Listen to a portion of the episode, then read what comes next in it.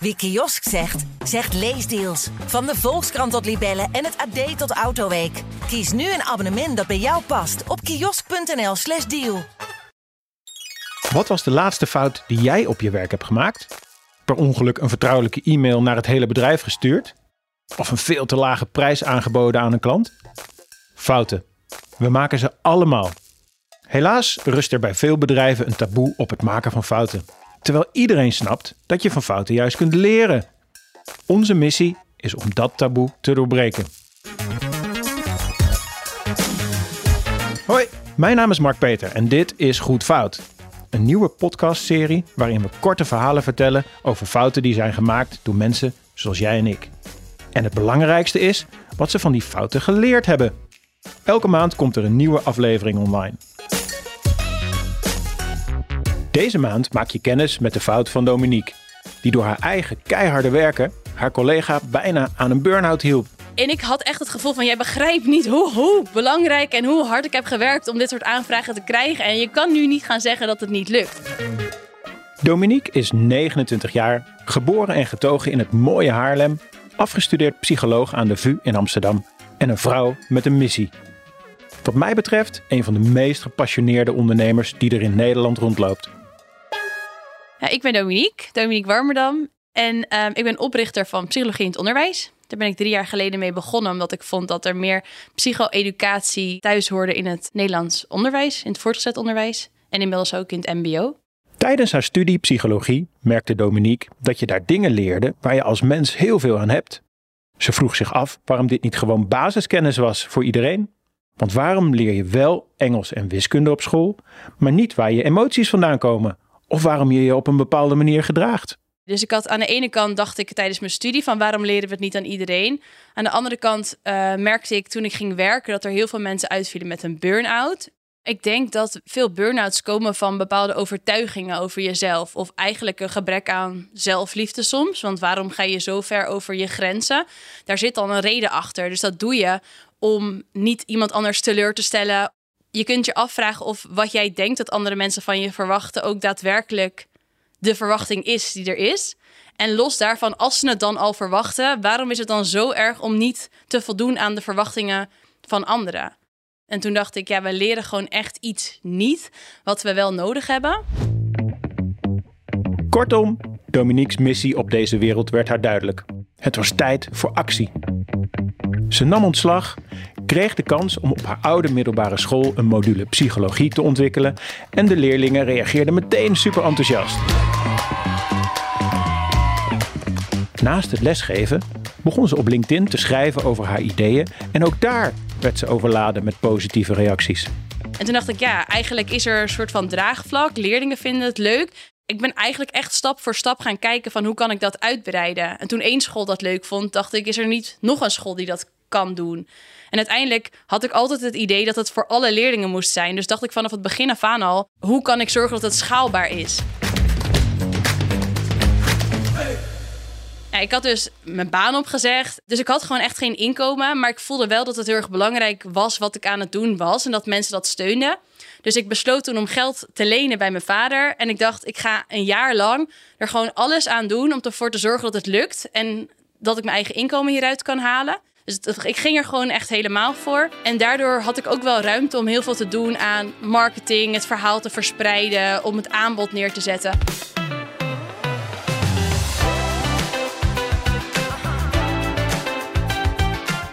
Die zomer bleven de positieve reacties op LinkedIn binnenstromen. Tussen al die berichtjes viel er eentje extra op. Ene Lois meldde zich. Ze schreef dat ze het heel vet vond wat Dominique deed, dat ze zelf ook de ambitie had om zoiets op te zetten en nodigde zichzelf uit voor een kopje koffie. Dominique, die nog niet veel klanten had, hield de boot eerst een beetje af. Hoe overtuigd ze ook was over de groeipotentie van haar bedrijf, ze had simpelweg het geld niet om iemand aan te nemen. Maar het berichtje van Lois liet haar niet los. En ze besloot toch dat kopje koffie te gaan drinken. En vanaf dat moment kwam alles in een stroomversnelling. Het was een soort van liefde op het eerste gezicht. Zoals je dat eigenlijk ook gewoon met een relatie hebt, voelde ik gewoon, ik wilde het gewoon met jou doen. Wat eigenlijk best wel gek is, want we kenden elkaar helemaal niet. ja, toen ben ik eigenlijk met Lois gaan knallen. En dat was eigenlijk het begin echt van de organisatie. Want daarvoor was het meer het idee en het concept. En ja, toen konden we ook echt starten. En van start ging het. Voor de komst van Lois was het aantal aangesloten scholen nog makkelijk op één hand te tellen. Maar al snel waren het er 10, 15, 20, 25. En zo vlogen de maanden voorbij. Maar wat Dominique onvoldoende doorhad, was hoe moeilijk het voor Lois was om de voortdurende stroom aan nieuwe opdrachten in te vullen. De opdrachten bleven zich opstapelen en Dominique ging er even tussenuit. Een welverdiend weekje fietsen in Drenthe met haar vader. Heerlijk in de vrije natuur. En toen pakte ik mijn telefoon en toen kreeg ik een appje van haar. En daar stond van ja, die, uh, die ene motivatietraining bij die ene school, ja, die gaat echt niet, uh, niet lukken. En dat was dus een, een aanvraag van een nieuwe school en die hadden één trainer nodig. En alles in mij zei, ja, een nieuwe school, één trainer. Als we dat niet kunnen leveren, wat dan, wat dan wel? En hoe staan we dan hoe, hoe zien zij ons dan? En alles in mij dacht nee. Um, en ik zei dat ook tegen haar. En ik, ik, en ik had echt het gevoel van: jij begrijpt niet hoe, hoe belangrijk en hoe hard ik heb gewerkt om dit soort aanvragen te krijgen. En je kan nu niet gaan zeggen dat het niet lukt. Toen Dominique terugkwam van vakantie, hadden ze het er kort over. Maar de sneltrein waar ze in zaten ging gewoon te snel om er te lang bij stil te staan. Er hadden zich nu al bijna 40 scholen aangesloten. We spoelen twee maanden vooruit. Nog veel meer scholen hadden zich aangesloten. Lois was op vakantie geweest en bij terugkomst vroeg Dominique hoe het was geweest. En toen zei ze: Ja, het is eigenlijk helemaal niet. Het gaat helemaal niet goed met me. Ik vond het helemaal niet fijn op vakantie. Ik had helemaal geen rust. En toen kwam het er eigenlijk op neer dat zij al heel lang over haar grenzen was gegaan. En dat ze ook echt uh, niet meer kon werken. Ik zei ook wel heel vaak tegen haar, dat weet ik nog, want ik was er wel bang voor al die tijd. Dus ik zei wel van, um, als iets niet lukt, dan moet je dat altijd aangeven, want ik zal het jou nooit kwalijk nemen. En ik snap dat er een beperking zit aan wat jij kan, maar het moet wel lukken. Dus dan moet ik maar harder werken of dan moeten we maar iets anders verzinnen, maar het mag in ieder geval niet niet lukken. Lois viel uit. Eerst twee weken, maar het duurde uiteindelijk twee maanden voordat ze weer een beetje mee kon draaien. Dat was schrikken, want Dominique had de werkdruk toch regelmatig bespreekbaar gemaakt. Niet veel later sloeg het noodlot toe. Zeven trainers vielen tegelijkertijd uit door corona. Van de ene op de andere dag miste Dominique bijna een kwart van haar team. Iedereen keek naar haar, want zij zou toch wel met een oplossing komen? Er was haar nog nooit iets niet gelukt. Maar Dominique's oplossing kwam uit onverwachte hoek. En toen denk ik dat ik voor het eerst de woorden uitsprak van oké, nee, we gaan de klant bellen en zeggen dat het niet lukt. Ehm, en toen uh, hebben de projectcoördinatoren dus met de klant contact gehad. En die reageerden eigenlijk heel erg begripvol. Dus die kwamen terug met, ze begrijpen het, we gaan het inhalen. En er was eigenlijk helemaal die hele paniek en angst die ik voelde van... oh nee, als je je afspraken niet nakomt... daar was eigenlijk helemaal niks van waar.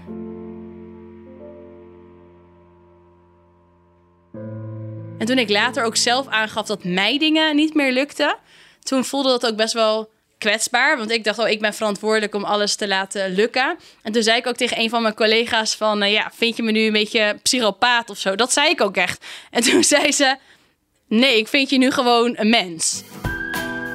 Ja, een mens. Een mens die niet perfect is. Een mens die niet aan alle verwachtingen hoeft te voldoen. Een mens die fouten maakt net als jij en ik. Maar ik vroeg me wel wat af. Dominique had toch juist een bedrijf opgericht om dit soort situaties te voorkomen? Ze zou dan toch zelf juist het goede voorbeeld moeten geven? Het is natuurlijk gek dat als je pleit voor meer bewustzijn over overtuigingen en meer mildheid, dat je dat dan zelf niet hebt. Ik, als ik het bijvoorbeeld moeilijk heb, bel ik wel eens met mijn moeder en dan zegt ze ook: Nou, misschien moet je je eigen posters lezen of misschien moet je gewoon doen wat jij andere mensen leert. Alleen, ik vind mezelf dus niet een longarts die tegen iemand zegt dat hij niet mag roken en het zelf wel doet. een belangrijk verschil is volgens mij dat ik dit op ben gaan zetten omdat ik hier zelf last van heb. Dus ik weet heel goed dat hoe ik het doe niet wenselijk is. Ik gun het andere mensen niet om zo hard te zijn naar zichzelf.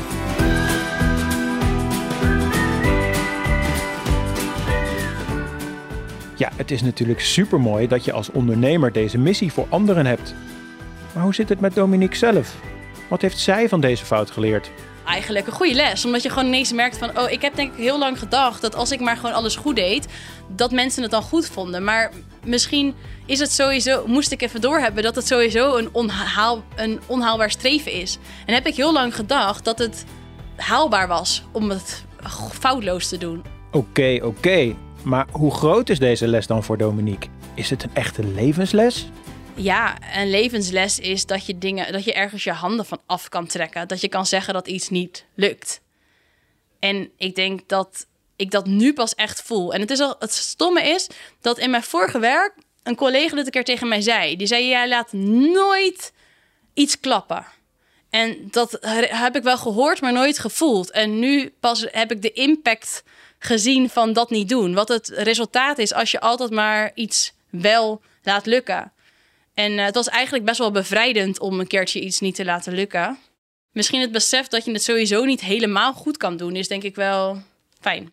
Ondertussen zijn er zo'n 50 scholen aangesloten en het team bestaat uit ongeveer net zoveel mensen. Ik vroeg Dominique hoe de wereld er nu uitzag. Deed ze het nu echt anders? Ik, kan, ik moet nu ook niet zeggen, nou, ik heb deze fout gemaakt en nu ga ik deze fout nooit meer maken en nu weet ik hoe het werkt en nu gaan we door, want dat is natuurlijk bullshit. Dit is een thema voor mij om te willen voldoen aan verwachtingen van anderen, om het altijd goed te willen doen. En als ik nu zou zeggen dat ik het nu opgelost had, dat zou een leugen zijn. Maar ik denk wel dat ik sterk gevoeld heb wat de consequenties ervan waren. En dat ik besloten heb dat ik die consequentie niet meer wil. En misschien had ik het nodig om andere mensen daarbij te betrekken. Omdat ik dat dacht, voor hun wil ik het in ieder geval niet. En nu moet ik het ook voor mezelf niet willen.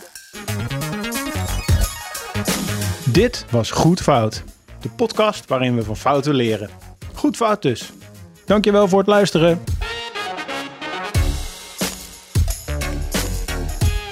Deze podcast is een co-creatie van Visie Hypotheken en Intermediair. Als jij een goede fout hebt waar je over wilt vertellen, stuur me dan een mailtje op goed@fout.nu en misschien ben jij wel onze volgende gast.